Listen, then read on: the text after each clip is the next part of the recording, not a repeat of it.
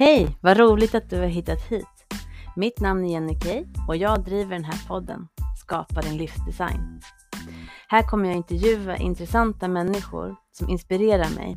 Människor mitt i livet och personer som gjort en förändring för att leva det liv som de önskar.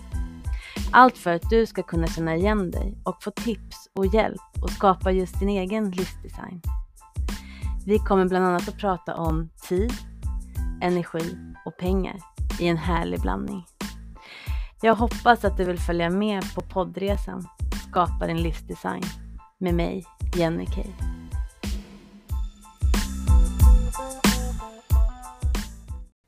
I dagens avsnitt träffar jag Emma Kristensen. Hon startade sitt företag för ett år sedan och följde sin dröm.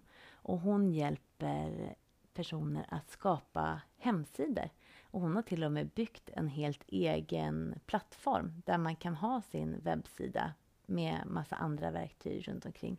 Lite mer om det får vi höra och även hennes strategi och hennes mindset, hur hon kom dit hon är idag. För hon har verkligen gjort en eh, lysande resa på bara ett år. Vi kommer även prata om hennes tidigare psykiska ohälsa där depression och social fobi var en stor del av hennes liv. Och sen så pratar vi lite om familjelivet också. Hur allting hänger ihop och hur man ja, ska prioritera helt enkelt. Både i karriären men även kanske med familjelivet. Så det här avsnittet tycker jag verkligen att du ska lyssna på. Och Emma är en otroligt härlig person med mycket energi. Så det kommer du höra säkerligen genom lurarna. Dagens avsnitt sponsras av Minova coaching och mina coachingprogram. Är du nyfiken på vad ett coachingprogram kan ge dig? Gå då in på min hemsida minova.se för att läsa mer om mina tjänster. Där har du mina olika coachingprogram och eh, då kan du välja vad som passar dig. Så in och kika där på minova.se. Hej Emma, vad roligt att få prata med dig live. Vi har ju sett mycket i ja, med sociala medier och jag har även tagit lite hjälp av dig innan. Men superkul att du är här. Kul att vara här, en ära. Härligt. Kan inte de, de som inte känner dig sedan tidigare, kan inte du bara berätta lite kort om dig och vad du gör? Såklart. Eh, min namn är Emma Kristensen, eh, tidigare Andersson om det är så man har sett mig i sociala medier, gifte mig i somras. Eh, 30 år, bor i Eslöv i Skåne och jag startade mitt företag eh, förra året, så det är ganska nytt. Eh, har frilansat i tio år till och från eh, innan, så jag har haft det lite mer som en hobby sidan om anställning. Har inte riktigt tagit det så seriöst utan mer som sagt haft det som en rolig grej. Eh, men jag startade förra året och då tog jag vidare min webbdesignverksamhet, så det är det jag också frilansat in inom innan. Eh, så jag fortsatte jag hemsidor men utbildar mig till strategisk webbdesigner, eh, för jag ville digitalisera mig mer, ha strategi bakom, för idag krävs det lite mer mm. på nätet. Eh, så det är det jag riktar mig in på idag. Strategisk webbdesign erbjuder både kurser och tjänster inom detta eh, om man vill skapa hemsidan själv eller om man vill anlita mig. Och sen har jag också Webbas plattform. Så Webbas Studio är min webbdesignverksamhet och Webbas plattform är ju plattformen jag erbjuder som är en helhetslösning eh, för de som vill skapa sin hemsida själv eller de som anlitar mig skapar också den där. Så att det är jättespännande. Ja, jag förstår det. Var det en självklar väg för dig? För jag tänker teknik och eh, tjejer eller kvinnor, det är inte så här mm. jättevanligt, utan det är en väldigt mansdominerad bransch. Men ja. det var självklart för dig från början att hålla på med. Ja, det har funnits ganska länge faktiskt och det var min pappa faktiskt som introducerade datorn ganska snabbt för mig. Han var själv intresserad av allmänt kreativa, fotografering, redigeringsprogram på datorn. Det var där jag kom in lite på datorn och tyckte det var kul att eh, att hålla på med liksom olika system och, och, verktyg. Så det var lite där det började. Så att jag har sedan dess varit en datornörd kallar jag mig. Så att jag har varit intresserad av internet väldigt mycket och eh, webben och det tekniska. Ehm, så att ehm, det har funnits ganska naturligt där och direkt när jag gick gymnasiet så var jag helt bestämd att jag skulle gå medialinje för det har varit liksom på den vägen jag vill gå. Eh, så, mm, men ja, eh, jag har ju också jobbat eh, på teknisk support på en av ehm, eh, Nordens största webbhotell, one.com, och där var det ju ganska mycket män och killar, så att man, man kände ju av det, att man var liksom, det, var, det är ju en mansdominerad bransch, men kul att mer och mer kvinnor kommer in i den. Mm. Anser du att det är en fördel för dig, för du riktar in det mot kvinnor när du hjälper ja. till med lite hem, med hemsidor och hela den här plattformen är um, tänkt åt kvinnor, riktat åt kvinnor. Precis, jag skriver inte ut någonstans där att jag riktar mig till kvinnor, jag använder aldrig det ordet eller så här, men det är ju det här med att man, man pratar till en viss person, att man har en idealkund och jag pratar ju till kvinnor så att det är ju de som jag attraherar. Eh, sen finns det fortfarande män som kommer in, nu ska jag göra en hemsida till en, en man nästa månad eh, som är en jurist, så att jag tar ju dem också om jag känner att det är rätt. Men det är ju mest kvinnor som jag connectar med och som jag känner eh, är för mig. Sen så gör jag undantag också, men det är där jag försöker så attrahera eh, mig. Ja, men som när eh, jag kontaktade dig, då, eh, ja, jag är inte inne i Webbas än, mm. men jag eh, fick hjälp med en hemsida, eller jag köpte en mall som du började med kan man säga, Precis. att det var ditt insteg. Jag vet inte ifall du var egen helt då heller, eller ifall att du jobbade lite då var jag nog fortfarande, eh, när du köpte den så hade jag nu precis börjat sidan om eh, anställning. Då hade jag nu startat företaget för det gjorde jag i eh, december 2020 och sen sa jag upp mig i maj 2021 förra året. Så då, då, hade jag börjat sakta och sen började jag på heltid i augusti förra året. Så du köpte nog den där perioden när jag precis hade börjat. Mm. och då var det fortfarande Wordpress jag höll på i. Och det är där jag har arbetat i de här tio åren som frilansare. Så det är där jag har gjort eh, mestadels webbutiker, eh, satsade på då. Så idag är det lite annan inriktning. Idag är det mer strategiska hemsidor, då var det webbutiker. Men jag har jobbat mycket, när jag frilansade så sålde jag mycket designmallar och färdiga hemsidor som jag kallade det. Just för de som inte ville anlita någon och som ville göra det själv men behövde liksom det här skalet som jag satte upp. Mm. Så, att, eh, så det var något jag hade haft på mig innan också när du, hade, när du började köpa den. Ja, för det jag tyckte var så skönt, det var ju just att kvinnor överlag och jag också anser mig inte vara superteknisk. Så att mm. på så sätt är det ju ganska skönt att prata med en annan kvinna. Och mm. också att vi har ju lite annat tänk. Eh, jag kan tycka att det, man kanske inte ska prata stereotyper, men det är ju lite så. Man ser ju manliga hemsidor och så ser man kvinnliga hemsidor. Mm. Och det är säkert målgruppsinriktning också, men de är ju väldigt olika uppbyggda. Att ja. eh, en viss typ av hemsida tilltalar ju mig och en viss kanske tilltalar min man till exempel. Ja. Och på så sätt är det ju skönt att prata med någon och pratar man med en kvinna då känner man sig inte lika Även fast inte män tycker att man ställer dumma frågor, mest troligt eftersom det är deras jobb, så känner man sig lite mer trygg med att fråga lite de här frågorna som man är annars kanske lite rädd för att framföra. Ja, men där kan jag verkligen intyga. Det, det, jag får väldigt bra recensioner med hos plattform och en av dem är ju supporten för att just som sagt det är ju majoriteten kvinnor i plattformen och många känner sig trygga med att de kan ställa vilka frågor de vill för att dels har jag jobbat med support i många, många år och de märker att jag älskar det. Ingen fråga är dum ut. Jag tycker bara det är roligt att liksom hjälpa och se liksom att de tar sig framåt. Mm. Så att där märker jag ju att de uppskattar just min support eftersom jag är kvinna och jag har ett annan förståelse. Um, så att det, det känns extra roligt då. Mm. Var det alltid självklart för dig att du skulle gå vidare till att starta eget? Alltså, lite intressant historia för att jag startade faktiskt mitt första företag eh, när jag tog studenten 2011. Eh, men då var det så här att eh, då var det min dåvarande, jag var tillsammans med hans föräldrar, var liksom företagare båda två och sen så var det lite så att eh, vi båda var arbetslösa, vad ska man göra? Och sen höll jag på med hemsidor och så. Mm. och eh, mest webbutiker då och sen så sålde jag min webbutik för att jag tröttnade lite på den. Jag sålde damkläder på nätet, importerade från Kina, det var inte så vanligt då så att då var det liksom, det funkade jättebra. Sen sålde jag den webbutiken så insåg jag att ah, man kan sälja liksom färdiga produkter. Det var där jag kom in på det spåret och sen började jag bygga upp webbutiker och sälja dem och sen kom det också då till hem, färdiga hemsidor och sålde dem. Eh, men det var ganska kortvarigt så att jag hade ju då ett handelsbolag med, med han och vi körde det tillsammans väldigt, väldigt kortvarigt. Så där landade ju det att man att det öppnade för mig att man kunde ha företag. För annars är ingen i min familj har företag. Jag är liksom inte uppväxt med företagande alls. Utan där sattes ett litet frö att oh, man kan vara egen. Men sen dog det ut liksom jättesnabbt. Och sen har det funnits lite här inne i hjärnan när jag varit anställd. Um, och jag har haft det här drivet att jag kan göra någonting själv. Um, men sen tog det väldigt lång tid innan jag kom till den här punkten att men jag kan faktiskt ha eget själv. Det var det som var lite läskigt för då hade jag ändå med någon annan och vi fick liksom hjälp av hans föräldrar med allting redovisat. Jag behövde inte ens tänka på någonting, nu la ju allting på mig. Mm. Att, eh, så där såddes ett frö. Eh, så att det har ju varit självklart ganska länge att någon gång kommer jag säkert vilja starta. Mm. Vad var det som du tyckte var det största steget då? När du, när du vågade liksom hoppa och följa din dröm? För jag tänker att när man, även fast du är duktig på det du gör, mm. Så måste du ju nå ut också. Du Precis, alltså det var ju läskigt. Nu har jag lite så, eh, tur, jag gillar inte att använda ordet egentligen, men jag har varit intresserad av marknadsföring väldigt mycket och läst på om det. Och jag är en sån riktig bokmal och YouTube-mal, alltså jag jag, jag lär mig det jag behöver veta. Eh, jag känner direkt att jag vill inte gå någon högskoleutbildning eller gå någon värsta utbildning, utan jag vet att jag kan lära mig själv om jag vill.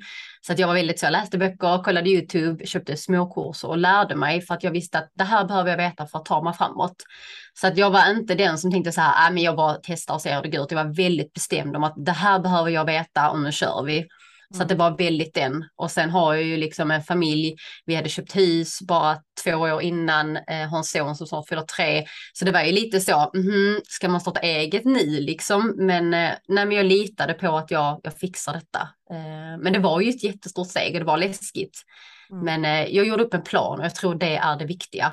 Att jag var väldigt så att som sagt jag, jag hade en tänkt ganska långt innan att jag ville säga upp mig och då tänkte jag hur mycket behöver vi spara för att kunna ta lite pengar om inte det går så bra i början. Så att jag mm. hade en liten plan så det var inte så att jag bara nej, nu säger jag upp mig och nu kör jag eget och ser hur det går utan fast bestämd. Ja, det är super, superbra och det är många som driver företag och inte har någon plan heller. Att de bara mm. eh, kör lite på volley och det kan ju också vara lite lite jobbigt, speciellt ifall att man är entreprenör, då har man oftast många idéer, vilket mm. gör att många arbetar med flera saker samtidigt än vad de egentligen mäktar med, så då blir det inte ja. riktigt klart. Så därför är det ju bra att ha en tydlig plan. Men fick du hjälp med den planen eller gjorde Nej, det var all me. Ja. jag kände mig ganska ensam i det, i det skedet. Om jag hade en väldigt stöttande man, annars hade jag nog inte vågat. Han var väldigt att pusha mig och stötta mig. Men vi mm. fixar mm. detta och liksom så. Men annars var det lite mer, ja, jag kände ju inga andra företagare. Det var liksom inget så. Jag var väldigt snabb med att gå med i de här nätverken som du också är med i. Mm. Eh, var väldigt aktiv i Facebookgrupper och connectade med andra företagare. Eh, för jag kom på det här att det behöver inte vara min omkrets, mina vänner, utan jag kan faktiskt connecta på ett annat sätt där. Mm. Eh, och då fick man en helt annan eh, man, man fick en push och hjälp där ju när man kunde prata med andra företagare. Mm. Så det var viktigt. Du sa lite att du hade eh, en liten där och mm. då måste han varit väldigt liten när du startade som att han är tre år. Precis. Ja. Exakt, ja för då hade jag, då hade jag nästan precis varit mammaledig eh, med honom så att jag hade ju precis börjat jobba och det var då jag kom till den punkten när jag kom tillbaka till jobbet. Usch, vad gör jag här? Mm. Eh, jag tror ibland behöver man en extra push för att våga ta steget och där var min push att jag vantrivdes på den arbetsplatsen fruktansvärt. Mm. Eh, och det var där jag kände att men gud, vad håller jag på med? Jag vill ju vara egen, jag har ju suttit någonstans i hjärnan hela tiden och det var där jag fick den här pushen att nej, men nu kör vi, jag trivs ju inte där, jag vill inte vara här. Eh, men ja, han, han var ju inte gammal då, så då kändes det extra nervöst liksom att man hade en liten familj att ta hand om. Men mm. eh, ja, tur så var vi en familj och kunde hjälpas åt så att det gick ju ändå. Ja, precis jag har ett ord som jag är lite så här hatkärlek till, men det är balans. Det är ju mm. lite svårt. Man kommer ju aldrig ha 50-50 balans. Jag menar inte att det ska vara så här klockrent så, men ibland så kan det vara svårt för just när man startar någonting eget, då blir det också lite som en liten bebis eller det kan vara att man älskar sin karriär även fast man är anställd såklart, men att det liksom mm. tar över för man får ju ganska mycket dopamin. Det blir bekräftelse när man kommer framåt. Känner eh, och då kan det bli att man blir lite splittrad. Har du känt lite så där att du har haft svårt att i början speciellt, för då gäller det också att steppa upp, att man får in kunder för du måste ju få det här rullet. Mm. Jo, alltså det första halvåret var tufft för att jag har eh, extremt prestationsångest eh, och när jag bestämde mig för att starta eget var jag väldigt så här att det här ska gå runt nu. Jag tänker liksom inte ge det tre år, utan det här, jag ger det ett år nu, nu jäklar liksom. Mm. Så att jag jobbade dessa 24-7 första halvåret, men det var vi beredda på lite, mm. för det är så jag funkar. Och jag visste ju att det var tillfälligt. Jag visste ju att jag ville inte hållbart jobba så, men det var väldigt så här att nu gäller det att hitta kunder, nu gäller det för att gå runt, få de här recensionerna. Eh, jag var väldigt bestämd av den här kursen, den skapade jag redan första året, den la ut hur andra kan skapa sin hemsida. För jag insåg ju det här med att sälja designmallar, ja, de fick en mall, men de behövde hjälp hela vägen. Så därför ville jag skapa den här kursen. Så att jag tog ju mig tiden att göra den här. Och mm. jag satt hela dagarna, när min eh, man kom hem satt jag på kvällen, på helgen när han hade klivit med sin kompis satt jag och jobbade. Alltså det var så första halvåret. Eh, men jag tyckte inte det var jobbigt, jag tyckte det var jätteroligt. Som du sa, man fick den här dopaminen och bara, alltså jag hade ju, jag, ja, jag körde mitt race. Jag kände inte mig trött utan jag fick så mycket energi av det. Och var ja, men riktigt taggad. Så att eh, jo, första halvåret var det jobb 24-7. Men jag kände inte att det påverkade negativt ändå. För att jag hittade ju ändå den här familjetiden såklart eh, under dagarna och så. Det var mer när sonen hade lagt sig på kvällarna eh, så satte jag mig och jobbade istället för att liksom vara med kompisar. Mm. Men, eh, mm, men det är annorlunda nu. Nu har jag hittat en mycket bättre balans och det, det var när det liksom kom i rundning så eh, steppade jag tillbaka igen för att jag kände att jag hade fått, eh, fått igång det. Så att, eh, idag är det inte alls så att jag jobbar 24-7. Idag jobbar jag mindre än när jag var anställd. ja, Ja, men det är väl dit man vill komma, att det är mm. en rullning. Men det är precis, precis där i början som det kan kännas otroligt tufft. Men då är det ju ja. bra att ha en tydlig plan som du har haft, för då vet mm. du ju att det är begränsat och en tydlig budget också, inte bara kanske skriftliga planen vad man vill åstadkomma rent sakmässigt som att mm. ja, du vill skapa en hemsida, en webbplattform och sådana saker, men också en inkomst eh, budget för att känna ja. att du är på rätt väg också. Men jag tror det är viktigt, eller jag vet att det är viktigt att man sätter de här målen och har till exempel mm. pengamål mm. för att det pushar en mer. Att nej men nu, nu har jag det här målet och nu är jag nära det. Nej men nu kanske jag behöver ta den här sista kunden eller skicka det här mejlet med någon som var intresserad innan. Att man blir mer pushad än att man bara som sagt har den här inställningen att nej men jag ser hur det går. Eh, jag tror att de som har en inställning, det går inte lika bra än de som sätter verkligen mål och strävar mm. efter dem och sätter datum eh, till exempel. Det jag märkte också väldigt stor skillnad, men det verkar som du hoppade ju direkt. Du var ju från anställd och så jobbade du lite kanske på sidan av med, din, med de här mallarna och det, men mm. med ditt eget. Men jag bland annat, jag jobbade ju 50 procent i mitt gamla anställ, i min gamla anställning och 50 procent i mitt nya. Och då är det ju mycket svårare att hitta fokus för att där man är anställd, där blir det ju också att man behöver lägga sin tid, alltså och göra 100 procent. Mm. Sen så blir det den tiden som blir över och den tiden som blir över, det är väl där också ifall att det är någonting som händer i livet. Det är den tiden mm. man får, får ta utav. Så på ett sätt är det ju kanske bättre att göra som du gör, att hoppa. Men då gäller det ju att ha ja, en jättetydlig strategi och också att man kanske kan lämna arbete på en gång om man inte har så mycket överlämning som, mm. ja, som jag hade, att jag behövde vara kvar ett tag till för att kunna lämna över till nästa. Precis, men det var jättebra um, att du tog upp detta, för det var faktiskt någonting vi diskuterade hemma länge, för jag hade ju möjligheten att ta tjänstledigt och där behöver man inte ta 100 procent utan där hade jag möjlighet att ta 50 procent.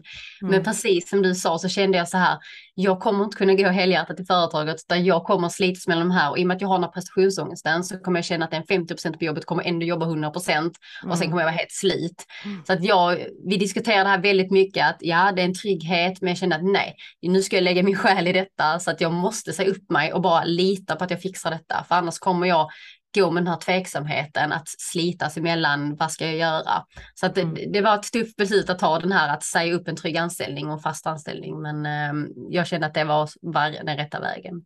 Mm. Ja, jag förstår det verkligen. Men vad tycker du att det är den största skillnaden då med att, med att vara anställd och vara egenföretagare? Vad är den största vinsterna som du ser? Ja, friheten. Ja. Det är det klassiska. Och friheten är ganska bred, alltså den kan man se på olika sätt. Men alltså att jag helt bestämmer på mina villkor att ja, men nu har jag en riktigt grym vecka, nu kör vi hårt. Nästa vecka, ah, jag kanske inte mår så bra den veckan, jag jobbar lite mindre. Um, och att man kan välja liksom vad man vill jobba med, vem man vill jobba med. Alltså den här friheten att bara bestämma själv. Mm. Eh, ta ledigt när man vill. Eh, vill jag tjäna mer pengar den månaden? Ja, då jobbar jag kanske mer eller eh, ja, smartare som jag brukar säga. Kanske mm. inte mer eller hårdare utan smartare ehm, och mer fokuserat. Eh, just när det här time management. Jag läser mm. på mycket om det här med att eh, till exempel stänga av notiser och läsa mejl vissa antal gånger om dagen. Och jag kan ju bestämma lite så att den här veckan är det totalfokus att jag ska förbättra min kurs och då stänger jag av notiser. Sen en annan vecka, mm. jag är lite mer öppen för nu liksom så att man det här bestämma helt själv eh, hur, hur vardagarna ska se ut. Mm. Ifall man säger motfrågan då, vad tycker du att det är det svåraste? Nej, ingenting. Ingenting. jag, jag känner att det har alltså, gått så bra i företagandet och jag har mått bra och jag har liksom haft roligt så att jag kan liksom inte se något negativt eller så här att det här var bättre som anställd. Eh, jag kan faktiskt inte det. Mm. Utan jag, jag älskar att vara egenföretagare. Det, det är så. Mm. Men jag ser ju också i de här eh, olika communities och när, när de pratar om just det du hjälper till med, att du är väldigt unik i din ja, hjälpsamhet och att, det, att folk verkligen tycker om dig som person. Så det är nästan att de köper personen Emma mm. och då mm. får de liksom webbas. Ja, eh. ja men det var, har verkligen varit så. Det är ganska intressant för när jag hade till exempel när jag höll på att skapa min kurs så körde jag lite intervjuer med personer för att liksom så, som sagt prata med sin idealkund, ställa frågor, vad behöver de och så. Och då var det någon som sa liksom bara, ja men du har redan sålt in kursen utan liksom behöva sälja för att bara sättet jag passionen jag har och sättet jag pratar om det och det här viljan att det, det, det lyser igenom att jag vill hjälpa och att jag tycker att det är kul. Och det är det liksom många fastnar för. Så att eh, det är jättekul att få de här kommentarerna, att de gillar liksom sättet jag lär ut på och eh, eh, ja, men att jag är så positiv och hjälpsam. Så det är jätteroligt. Mm.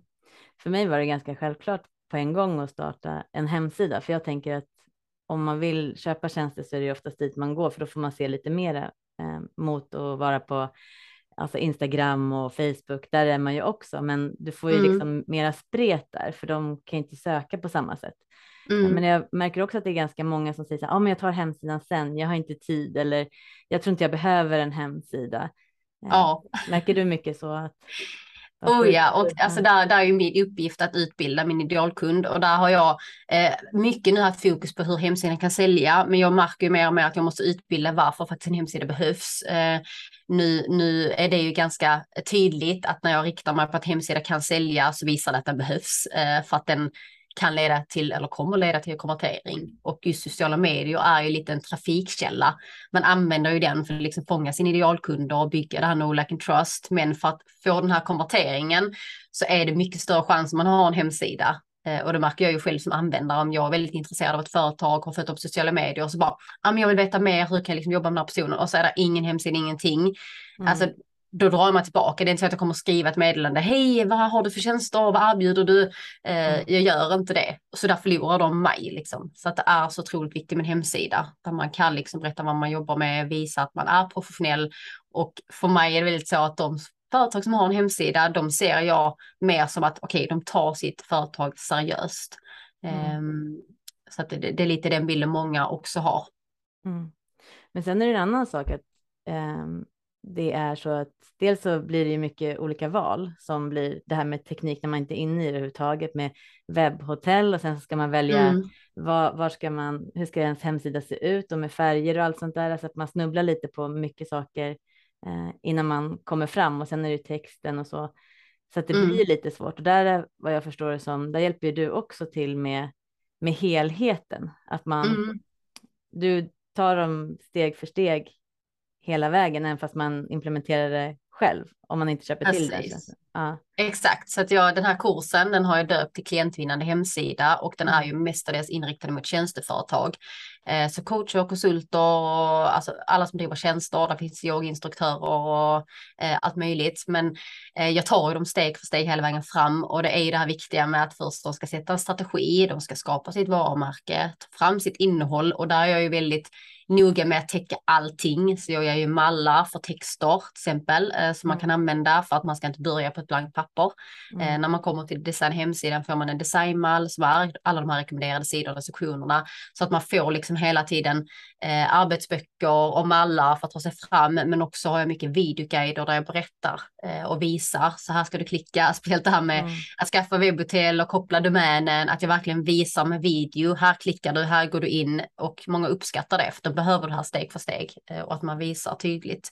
Så att den kursen är jag väldigt stolt över och den går väldigt bra ehm, och jag älskar att jag kan ta dem hela vägen fram och finnas där och ge support framför allt. Jag har ju en privat Facebookgrupp för de som liksom fastnar och har frågor och jag tror det är det de uppskattar mest också. För gör man annars hemsidan själv så har man ingen att fråga eh, och då är det lätt att man fastnar alldeles för länge och aldrig lanserar den. Men när du hjälper eh, dina eh, kunder att göra hemsidan från A till Ö och sen så lanserar de den. Vad är det som de känner sig mest stolta över eh, med hemsidorna? Det har varit lite olika. Nu har jag precis börjat få in recensioner för att nu eh, de flesta började i maj eh, och jag har ju sagt att man kan ta kursen i sin egen takt så att många mm. har lanserat nu på senare. Men nu börjar det rulla in recensioner och de flesta säger att de framförallt är stolta över att de har gjort den själv. Eh, och det är också något jag skriver på min säljsida, att alltså, de som vill ha makten över den själv, att känna att de bygger den själv och har makten över att de får kunskapen att själv hantera den sen. Mm. Eh, så det har varit många som skrivit det, att de nu kan de detta och nu kan de själv känna sig säkra med att göra ändringar sen. Och det har även varit någon som liksom, nu ska jag påbörja min andra hemsida, för nu har jag fått den här kunskapen och bygga en hemsida, så nu kan jag göra en annan hemsida. Eh, så att det är just den här stoltheten att de fått göra det själv och sen har det varit mycket det här med att de har fått hjälp på vägen, att de har känt att de har liksom fått den här supporten hela vägen fram och peppen framför allt och pushen. För annars kan det vara lätt att man liksom eh, som sagt tar väldigt lång tid på sig och aldrig tar sig framåt. Ehm, så stoltheten är väl det som är roligast att se, att de är så stolta över sin hemsida. Mm.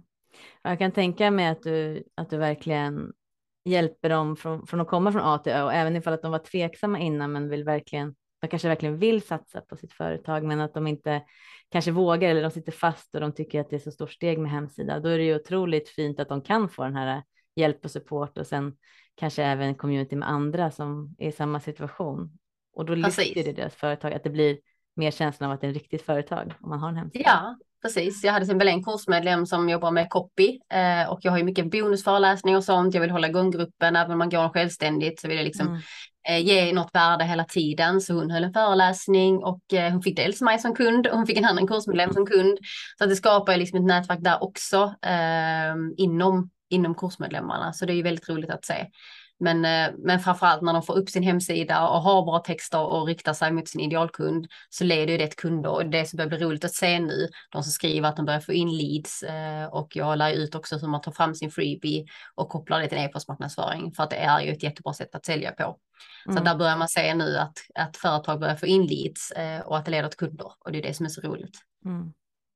Ja, för då, då hjälper ju verkligen folk eh, ja, men skapa sin egen ja, livsdesign och så med företagandet, att de kommer vidare. Kanske ifall att mm. de också står och stampar, att de inte riktigt vet hur de ska göra, då tycker de att men det här kanske är ett bra första steg för att se om man kan få kunder. Att mm. man kanske håller igång den och även Instagram så att man börjar, börjar smått för de som inte vågar Precis. Och det är ju väldigt blandat. Det är ju dels de som är extremt nya företagare. Så visst är de som har hållit igång ett tag, kanske haft en hemsida innan när de märkt att den inte säljer eller konverterar någonting och vill ha en ny. Så det är mm. väldigt blandat. Och jag har ju också en bonuslektion eh, i slutet där jag visar hur jag eh, har marknadsfört mig, till exempel via Facebookgrupper, hur jag har gjort på Instagram och så. Så att det har ju också varit uppskattande liksom för att mm. som sagt när hemsidan väl är ute, då gäller det att driva trafik till den. Så mm. det är ju nästa steg att börja marknadsföra sig. Ja, för det är nästa steg egentligen med de här eh, SEO och sånt också ju. Att det ska mm. sök, sökordsoptimering och det är ju också en sån del som kan vara väldigt svårt att få till. Precis. Så det har jag såklart också en lektion om det, så att jag, jag missar inte någonting. Nej, nej precis. Det finns ju också sökmotoroptimering, tycker vi också. Ja, men vad är det du anser att det är det viktigaste? Som du sa att vissa driver inte trafik. Är, är det på något sätt, jag som inte kan baksidan, men är det på något sätt att din plattform driver mer eller är det just hur den är uppbyggd? Alltså egentligen spelar det inte roll, alltså om de har eh, en bra eller dålig hemsida så är det ju trafiken som tas dit. Det är där det hänger på om de konverteras vidare. Mm. Så hemsidan i sig har inget med trafiken att göra egentligen, utan det är ett steg innan hur man tar dem till hemsidan. Men mm. problemet jag ser med de som gör sin hemsida själv eller eh, anlitar någon som har det här gamla tänket, det är att hemsidan blir som ett visitkort. Där är bara information, information, information. Man går in på den, börjar läsa, men sen lämnar man den för att det finns ingenting som säger vad man ska göra. Det finns inga sätt A-knappar träffar. Eh, finns det kanske inte att man kan boka något möte, speciellt om det är ett tjänsteföretag kanske man liksom vill bjuda in till det för det ökar konverteringen. Så det jag ser liksom är att eh, det konverterar bättre. Så om man lägger den här tiden på sociala medier, lägger tiden eller pengar kanske på marknadsföring, så kanske det är i onödan om man har en dålig hemsida, för att man tar dem aldrig vidare att köpa av en eller anlita en. Så det är där som jag betonar väldigt mycket, att det här, eh, att de ska helt enkelt konvertera, att mm. Men var det någonting som du eh, jobbade med tidigare också, eller är det någonting som du har haft ett intresse för så att du har lärt dig under tiden och implementerar här, men inte det var faktiskt, jag har faktiskt inte jobbat med det innan utan jag var typiskt den här gamla webbdesignern som jobbade med ungefär digitala visitkort som jag kallar det idag. Mm. Eh, att det var informationssidor. Eh, och sen som sagt majoriteten var webbutiker jag hade så då var det ju ganska uppenbart att man sålde, man pr promotade produkterna och så. Men jag hade inte samma tänk med hemsidor. Eh, förrän i, ja förra året då så köpte jag en, en, en, en liten kurs eh, som, eh, eh, ja där hon la ut strategisk webbdesign och det, det öppnade en helt ny värld för mig. Jag bara, ah, men shit, vad, vad har jag hållit på med hittills? Mm. Alltså jag var ju så skämdes av alla hemsidor jag gjort innan för att det är en helt ny digitalisering idag. Så att eh, det var en sån här, ja, ungefär som min kurs, att man går den självständigt eh, och man kunde då be om hjälp om det var någonting. Men jag gick den helt självständigt och fick en helt ny uppfattning eh, om att jobba med strategier och vikten av det här med idealkund och, och att eh, poängtera det här problemet man löser, att man inte bara säljer tjänsten i sig utan man löser ju ett problem och det är det kunden betalar för. Och det är mm. det som är så viktigt med tjänsteföretag, att man kan visa hur kan jag ta dem från A till B. Det är det de betalar för. Um, så det är det jag också fokuserar på kursen. Mm. Nej, men det är jätte, jättebra, verkligen. Mm. Vet jag, om jag ska gå till något, något helt annat så eh, jag dubbelkollade med dig tidigare vill jag bara säga för de som lyssnar att det var okej för du la upp på sociala medier att du mm. hade haft psykisk ohälsa tidigare. Precis. Eh, som du har blivit, ja, jag vet inte, fri från. Du har inte haft psykisk ohälsa nu precis senare år, men. Besvärfri en... som journalen sa. ja, precis. Men jag tycker att det är viktigt ändå att lyfta fram och du la ett väldigt fint inlägg där eh, på, på Instagram och vad jag mm. förstår det som så led du av eh, depression som blev sen ja. social fobi också. Precis, och det, om vi går tillbaka till där när jag startade mitt företag första gången 2011 när jag var arbetslös. Det var just för att jag led av social fobi. Jag kunde inte ta ett jobb. Eh, jag gick liksom, var ganska instängd i mitt hus, vågade knappt lämna hemmet någon gång bara för att gå och handla. Det är den här socialiserade ångesten, man, man är rädd för människor helt enkelt. Man är rädd att mm. skämma bort sig, göra fel. Alltså det är extremt mentalt konstigt i huvudet mm. eh, som är svårt för andra att förstå. Men eh, Alltså jag fick hjälp med det, jag gick på KBT och så, men det ledde ju också såklart till en depression eftersom man blev instängd och så. Men det var faktiskt första anledningen varför jag ville starta eget, för då kunde jag sitta bakom skärmen, jag kunde liksom, jag behövde inte lämna hemmet ungefär. Mm. Eh, men eh, mm, jag fick bra hjälp med det, men jag kände ändå att Mm, vården har inte varit kanske min favorit så jag har mycket tagit äh, saken i egna händer. Alltså som sagt jag är en datornörd så jag läste mycket på internet, läste mycket forum, andras, hur de har liksom så jobbat med det, äh, läst mm. böcker nu på senare tid äh, med just mindset och hur man kan ta det till nästa steg. För först krävdes det KBT för att liksom bli av med mm. det här värsta, men sen är det ändå ett steg längre att man ska ändra hur man tänker. Mm. Eh, och KBT är ju också en del av det hur man ska ändra hur man tänker. Speciellt det här med att man är rädd för människor, att ändra, ändra hur man tänker. Mm. Så att jo, så att det har varit en stor del av mitt liv, som sagt ända tillbaka till 2011. Det har varit alltså många år med det och sen har det också varit mycket depression i familjen som har följt med. Så det har varit mycket problemfamilj, även om jag eh, har haft en väldigt bra uppväxt och det är tack vare min pappa som har liksom gjort det. Mm. Eh, men eh, mm, det har varit tuffa perioder, men som sagt besvärfri om vi ska säga så, de senaste åren. Men sen förra året när jag liksom precis hade startat, då kände jag lite att det kom tillbaka. Mm. Det här mm. med att shit, jag mår inte 100% bra och då blir man rädd eftersom man ja. har haft haft så mycket innan. Så att då direkt, eh, nu är jag inte rädd att ta hjälp längre eh, och det, det har jag nog aldrig varit egentligen. Så jag tog ett psykologsamtal, pratade och insåg att nej, jag hade bara en downperiod. Det var liksom ingen depression. Eh, mm. men jag behövde bara så här prata ut och få det här bekräftat och bara nej men nu, nu kör vi liksom. Nu jobbar jag på som jag gör liksom. Så att jag, de senaste åren har jag inte haft någon depression och det är jag jättetacksam eh, över. Men jag vet att det är de som liksom aldrig blir av med det. Eh, mm. Och därför vill jag lyfta det mer eh, nu när jag vågar prata om det. För nu tycker jag inte det är jobbigt längre. Att mm. lyfta just just nu när man är så aktiv i sociala medier och har så många följare, att man kan påverka och det är det som känns kul. Eh, mm. och som sagt, det var ju många som kommenterade och många som kände igen sig, så det är ju ingen, inget ovanligt idag. Nej. Men sociala fobin som, som du började med, var det någonting som stegrades? Hade du den lite när du var yngre också, eller var det någonting som triggade det, eller kom det stegvis? Med alltså jag vet inte om jag haft det de yngre. Jag har väldigt så här förträngt min barndom ganska mycket. Eh, mm. så jag har liksom inte så minnen förrän jag typ nästan blev 8-9 år nästan. Mm. så att jag vet inte riktigt om jag alltid haft det. Jag tror inte riktigt. Jag har alltid varit lite så här introvert och tillbakadragen, osäker. Eh, mm. Så där har ju någonstans det varit grupp hela tiden. Sen blev det värre på högstadiet. Eh, var mycket med mobbning, utstöttning och mm. sådana saker. Och det är klart att man drog sig tillbaka. Så att jag, jag, jag minns att det började i högstadiet.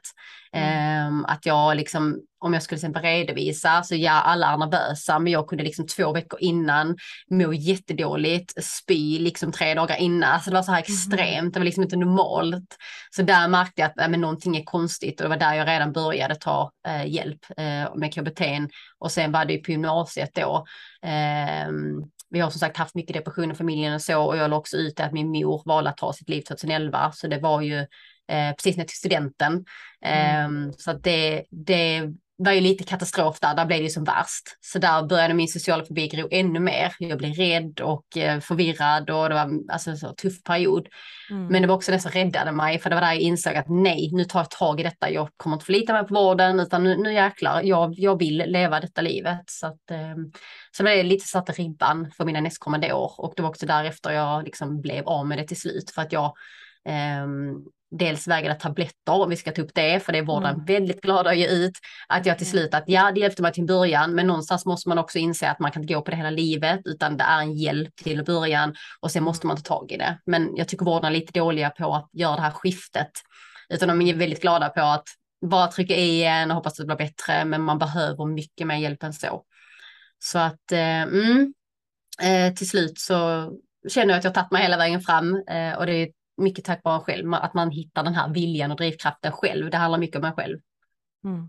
Men hur hittade du eh, rätt typ av hjälp då? För det tänker jag är ganska svårt. Om man inte går till vården där man mm. får, där är det ju så ja, enkelt. Då går man ju till vårdguiden eller vad, sin vårdcentral som man mm. har i närheten. Men just ifall man tar hjälp utifrån, då är det lite, ja men det är lite djungel, för det finns ju inga bra eh, sätt att söka, så att då antar jag att man måste pröva och det är också ett stort steg speciellt om man har social fobi och även depression. Det är ju inte så himla enkelt att ta tag i saker förrän mm. man kanske har bestämt sig som du sa. Men, men hur gjorde du? Hur sållade du eller gick du bara till första bästa du hittade som verkar passa dig via hemsida eller? Alltså, eh, när det var inom vården så var jag väldigt så att jag tror ändå att jag vågat prata om det ganska tidigt. Alltså att jag var ärlig och var väldigt bestämd. Eh, och när jag fick en, eh, en KBT-behandlare som jag tyckte var bra, nej men jag vill byta. Det här känns mm. inte bra. Jag var, alltså, var väldigt bestämd. Och så fick jag en väldigt, väldigt bra som jobbade på ett sätt som funkade för mig. Um, så det var där jag tog, alltså det värsta gick över. Men sen har det varit mer att jag har tagit hjälp av forum och sådana grejer. Så jag har inte tagit hjälp av en person eh, mm. annars privat. Nu finns det ju mycket inom det, så googlar man nu så finns det säkert kurser inom det och hjälp på ett annat mm. sätt. Och jag vet att många, alltså flera, flera startar företag inom just coachning och eh, de är ju inte riktigt, de är inte utbildade psykologer och så, men ändå att de kan förändra ens tankesätt och hjälpa den vägen. Så det finns ju mycket sånt mm. idag. Ehm, men jag tog hjälp mycket av forum och sen har läst böcker om just mindset. Ehm, att, att helt enkelt programmera om hjärnan. För att det är det det handlar om i grund och botten, att man måste tänka om. Mm. Men hur skulle du rekommendera andra? För nu känns det som ändå att du både kanske fick hjälp av din pappa och, och liksom ta steget. Fick du högstadiet så jag att du fick hjälp hemifrån eh, mm. också. Men ibland så är det ju att man känner, ja, men jag vet inte om du gjorde det, med skam och skuld kan man känna över att det är så att alla andra verkar ju funka normalt om man säger inom situationstecken och att man inte riktigt kanske vågar heller utan man bara stänger in sig lite mer och mm. mer.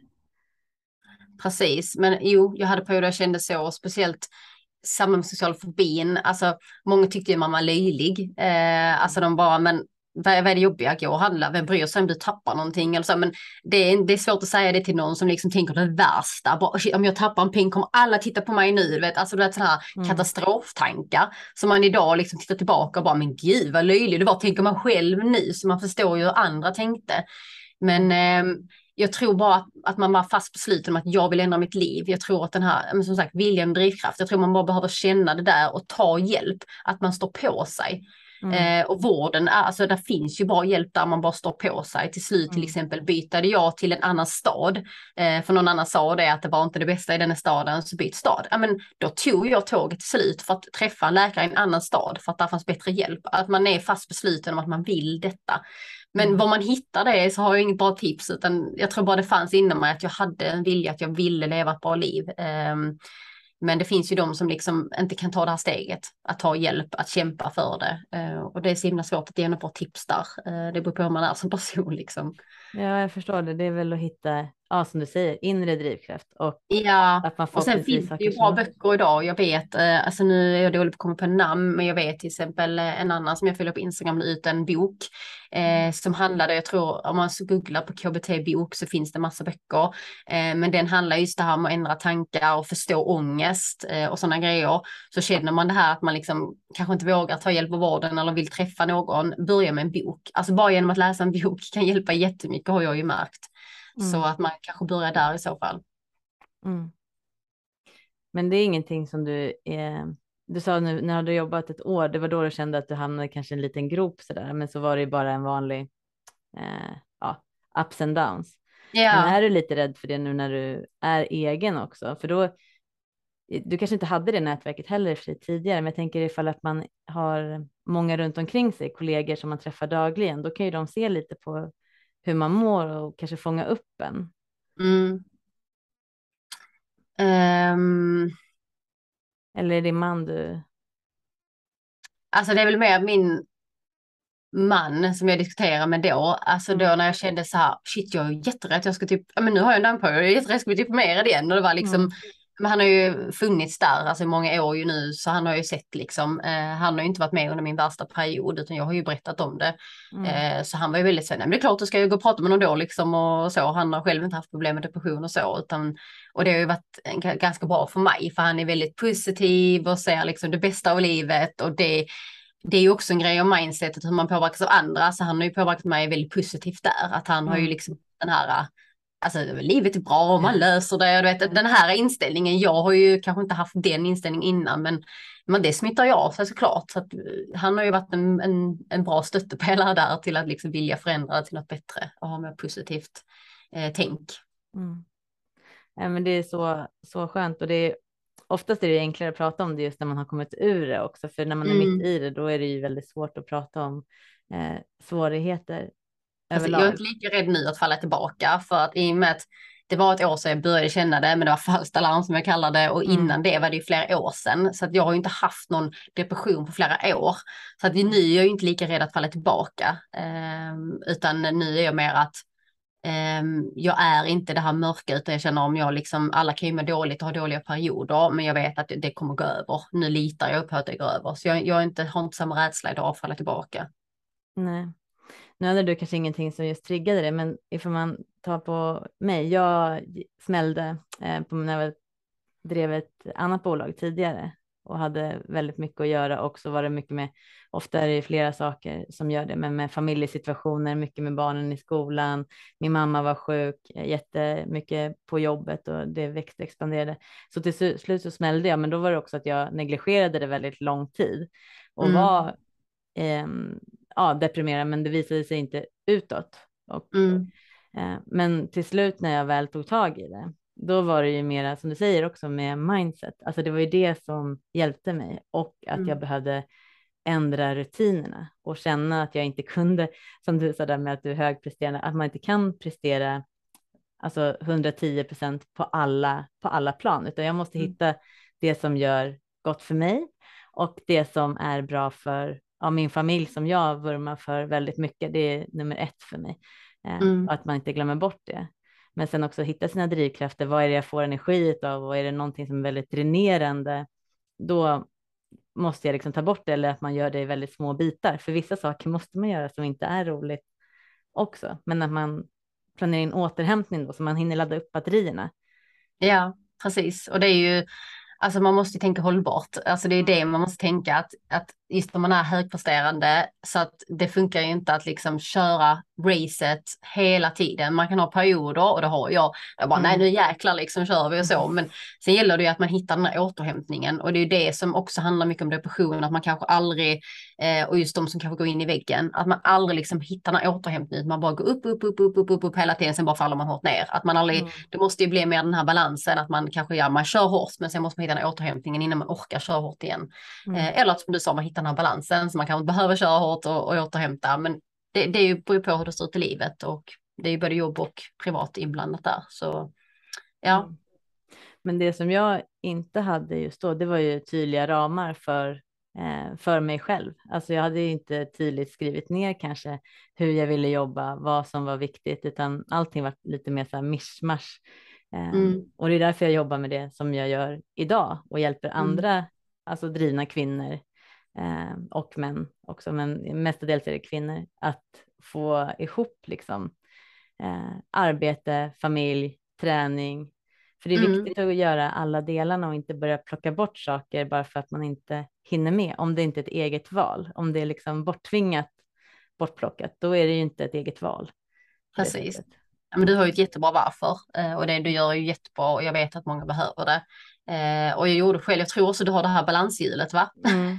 Ja, och det är just så nyttigt och jag fick nyligen göra det och alltså man kunde se framför sig vad behöver jag förbättra i livet, liksom mm. hur ser jobbet ut för mig, hur ser relationerna ut, hur ser hälsan ut, att man vet att man kan liksom göra det här balanshjulet och se framför sig, men det här behöver jag förbättra, så att liksom så att alla delar faller på plats, eh, så att man mm. som sagt som du säger att man inte bara satsar på en sak och sen så faller en annan. Eh, att man typ prioriterar bort träningen till exempel. Som jag många gånger har gjort, det var min sämsta liksom på balanshjulet. Att man liksom ser framför sig att nej, men jag måste få den här balansen i, i hela för att må bra. Sömn är också en sak som många prioriterar bort för att man jobbar kanske lite senare eller att man går mm. upp tidigare eller, eller att man får problem med, med sömnen just när man är stressad eller deprimerad också, att man inte kan, kan få till sömnen och det blir också en ond cirkel för då hjärnan återhämtar sig. Så att Ja, precis. Men, men vilka är dina största drivkrafter? För du sa så här, jag, eh, mina inre drivkrafter. Du pratar ganska mycket om drivkrafter. Vad är alltså, dina drivkrafter? Alltså i stora hela sammanfattat är det ju friheten och som jag sa mm. så består det så många delar. Men det är just det att jag kan göra det på mina villkor. Det är min drivkraft att jag kan liksom bestämma helt hur mitt liv ska se ut, hur min vardag ska se ut. Um, eh, tjäna de pengarna jag vill, vara ledig när jag vill. Alltså jag kan påverka det väldigt mycket och i det så leder det till många andra grejer. Eh, att jag kan mm. leva det li liv jag vill. Eh, jag kan ge min familj det jag vill. Alltså att det leder till många goda saker. Så att jag har ju en väldigt stark drivkraft där och min största är ju att jag, jag gillar verkligen inte att vara anställd. Eh, alltså jag jag har aldrig trivts på en anställning och mm. jag har liksom bara trott att det var anställningsfel, men det har legat hos mig för att jag är extremt driven. Jag har mycket idéer. Jag liksom, mitt huvud exploderar hela tiden. Jag klarar inte vara på en anställning där jag liksom inte får utvecklas. Mm. Eh, nu hade jag turen att till exempel på det webbhotellet jag jobbar på, där jag liksom jobbar med teknisk support som var mitt intresse, där fick jag chansen att utvecklas. Jag steg i karriären, jag fick lära mig mer, de erbjöd utbildningar, jag stimulerades. Mm. Så min drivkraft är att jag kan stimuleras på ett annat sätt som liksom egenföretagare. Jag kan utbilda mig vidare om jag vill det, utvecklas eh, och göra precis vad jag vill. Så att um, ja, det är fantastiskt. Mm, jag håller med dig. Det var så roligt eh, att du sa så där, för det är många som tänker just så som du gjorde tidigare att ja, men det är arbetsplatsernas fel och så byter man arbetsplats och så är det arbetsplatsernas fel igen mm. och så egentligen kanske man inte passar i det här ja, men, svenska mallen eller så här, ja. människans mall att man ska vara anställd för att det är så tryggt och det är så säkert. Men det, det har ju sina begränsningar också. Precis, alltså jag har ju trott, eller jag har egentligen trott, de andra har ju trott att jag inte vill jobba, att jag är lite lat, men det har inte handlat mm. om det, utan det har handlat om att jag hatat att vara, vara i en ram. Att liksom gå till jobbet åtta, vara hemma fem, eh, man är trött, man kollar hem, man går och lägger sig och gör samma sak igen. Eh, jag har liksom inte kunnat se en mening med livet med det, det har inte funkat med mig och som tur är så funkar det för många, det är bra att vi har anställda också, alla kan inte ja. vara alltså, det går ju inte. Men jag har inte funkat så, eh, utan jag har liksom tänkt, men tusen är det så här man ska leva, det här är liksom inget för mig, vad är det här för liv? Mm. Så att, eh, och jag tror att många liksom känner igen sig i det där. Och då är kanske eget en, en väg att gå om man känner så. Eh, men det var inte det första jag tänkte att nej men jag ska vara egen när jag kände så utan det har jag kommit på i efterhand ju att ja, men det är därför jag aldrig trivs på en anställning för att jag är alldeles för driven och för mycket idéer eh, för att liksom gå under någon annan. Ja, många gånger kan det också bli ifall att man inte är i chefsposition eller även när man är chef så kanske man är mellanchef. Då kanske du inte får igenom det du, det du brinner för, även fast du ser att det här är jättesmart. Varför gör vi inte mm. så här för? Så blir man lite så här ner, nerplattad, vilket hämmar, hämmar ens personlighet och glädjen mm. med, att, med att arbeta när man kommer med bra förslag som inte tas, tas om hand om. Och jag, jag var, trodde ju att jag ville klättra hela tiden och bli chef och så, för att jag mm. trodde att det var det jag ville. Så att jag liksom, eh, mitt förrförra jobb där trivdes ganska bra, där var jag teamleader. Då, fick jag, då jobbade vi i Danmark, så jag fick leda det svenska teamet eh, och ansvara för det och se till att schemat gick ihop och, och supporten gick bra och så här. Men jag insåg också att nej men, det är ju ändå någon som bestämmer om mig och hur jag ska leda. Jag får inte helt bestämma helt själv. Så att jag insåg att men jag vill inte klättra, jag vill inte vara någon chef. Liksom. Det var där jag insåg lite att nej, det är inte min väg att gå. Um, men det är lätt att man tror det. Mm. Är det någonting du känner när du hoppade så där från början och nu har ändå jobbat ett år. De brukar ju säga att ett år, det första året är lite det kämpigaste. Sen efter tre år, det är då man ser eh, det riktiga resultatet. Då har man börjat fått ihop alla kugghjular, men det känns lite som att ditt företag har gått egentligen kanske lite, lite snabbare framåt, mm. ser det ut som utifrån i alla fall. Men har du några bra tips om du tycker att, men gud, det här skulle jag ju kanske gjort lite tidigare? Um... Tvärtom, jag har gjort allt väldigt tidigt. Ja. alltså jag har ju växt i företag extremt snabbt, eh, men så att lite tvärtom i så fall att jag skulle mm. sagt till mig själv att ta det kanske lite lugnare. Eh, men nu är jag ju glad att jag gjorde som jag gjorde. Men som mm. sagt första halvåret fick ju ta, ta sin smäll liksom. Mm. Eh, men eh, nej, jag vet inte om jag har något bra tips där mer än att mm. alltså att strukturera väl, planera, vara bestämd, eh, gå inte bara liksom och, och lulla om man säger så. Och bara, mm. ja, jag ser mig för en kund idag liksom och ja, oh, nu fick jag en kund och så, alltså att man liksom bara så här, eh, ja, att man inte har någon så här struktur och plan, mm. utan istället kanske nu lägger jag en halvtimme varje morgon mellan liksom nio och halv tio. Jag ska aktivt sociala medier. Jag kanske skickar ett mejl till en kund. Att man liksom hela tiden aktivt jobbar för att företaget ska gå bra. Mm. Um, jag tror det är det viktiga, att man är fast bestämd och att man har de här rutinerna som du sa. Jag är väldigt så att jag använder ju projekthanteringssystemet Asana. Det kan man mm. använda olika, men att jag verkligen så här, vad ska jag göra imorgon?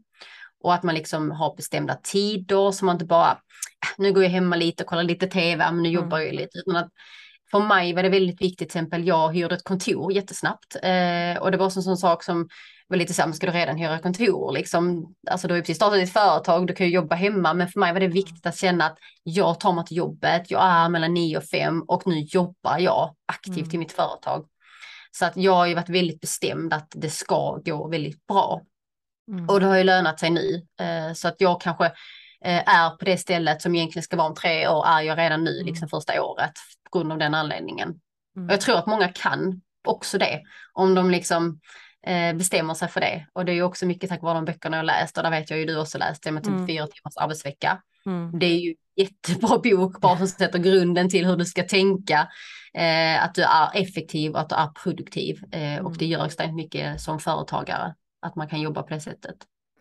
Ja, och många gånger så tänker folk lite som i träning att man, ja men har jag missat och inte jobbat så mycket den här veckan, då, då behöver jag inte kämpa lika mycket. Alltså, det blir lite, mm. tappar, man, tappar man fokus så känns det som att då kan man lika gärna strunta i det projektet eller den delen, för då är det liksom lite meningslöst istället för att bara komma igen också.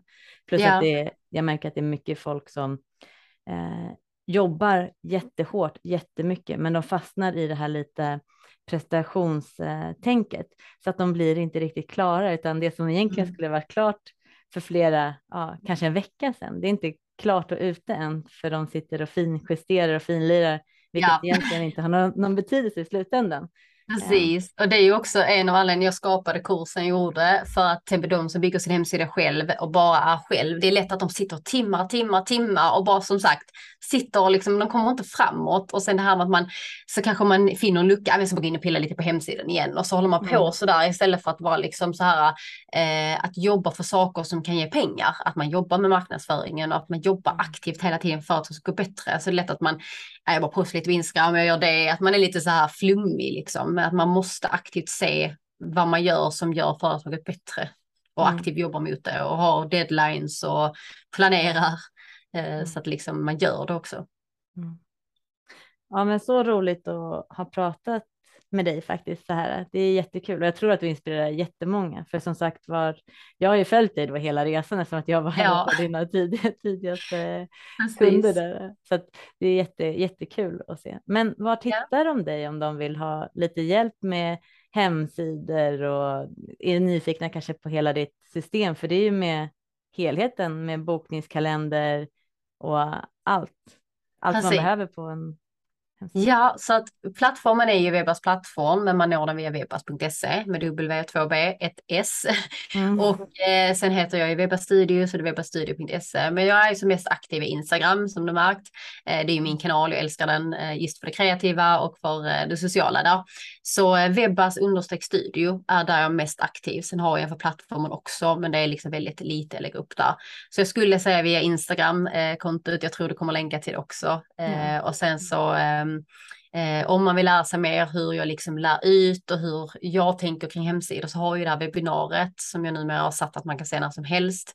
Eh, och det tror jag du också skulle länka till. Så det är ju hur man skapar en hemsida som kan fungera som en säljmaskin. Mm. Och det är ju mitt motto att hemsidan ska sälja och fungera som ett system och en maskin. Mm. Så att eh, det är där man kan börja för att se lite hur jag eh, kan hjälpa till och hur jag lär ut. Mm. Ja, men tack så jättemycket. Är det någonting som du känner nu Emma att jag har missat som du gärna vill förmedla eller något så här som det här behöver jag jättegärna berätta eller känns det som att vi har täckt hela Alltså jag tycker vi har täckt det här jättebra. jag tycker vi har tagit upp bra frågor och jag är glad att vi fick fram det här med att man liksom som sagt jobbar produktivt och har mål och deadlines. Eh, för jag tror att det är där många eh, företagare liksom faller. Eh, mm. Att de inte har det här så tydligt. Så ehm, Mm, jag tycker vi fick fram det här bra eh, och vikten av en hemsida såklart. Det är ju där min eh, expertis är, så det tyckte jag absolut vi fick fram också. Så att jag, eh, jag är nöjd. Ja, härligt. Men då får jag tacka så mycket. Tack för att du tog din tid och var med. Ja, men tack själv. Det var jätteroligt att vara med. Ja. Ha det så gott. Hej. Detsamma.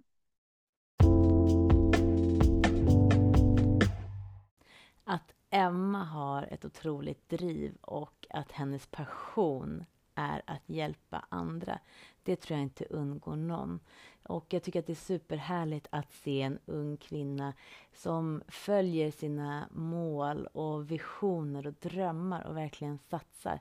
Och sen så är det ju superhärligt också det här med att hon trodde att hon inte riktigt eh, passade in eller hon bara kände att det skavde på att vara anställd men hon förstod inte riktigt varför. Hon trodde det var arbetsplatserna som var problemet men egentligen var det ju kanske att hon kände sig för låst, för instängd. Hon ville ja, få lite mera luft runt omkring sig och att starta eget var helt perfekt för henne och gör det galant. Så eh, det tycker jag var ett super, super härligt avsnitt. Och ja, jag blir i alla fall inspirerad av Emma och att eh, fortsätta, liksom hon, hjälpa andra att lyckas. Det är en stor drivkraft för mig också, så det har vi gemensamt.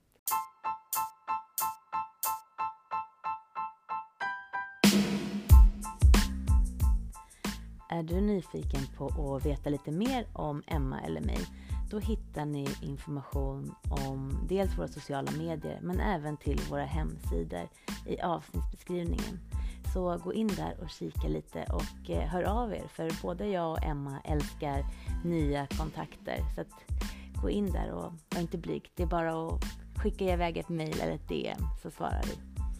Eh, och sen så vill jag jättegärna få lite hjälp för att det är många som har hittat till podcasten och jag vet att de som lyssnar, ni som lyssnar, ni tycker den här podcasten är bra och ger ett stort värde och en härlig variation.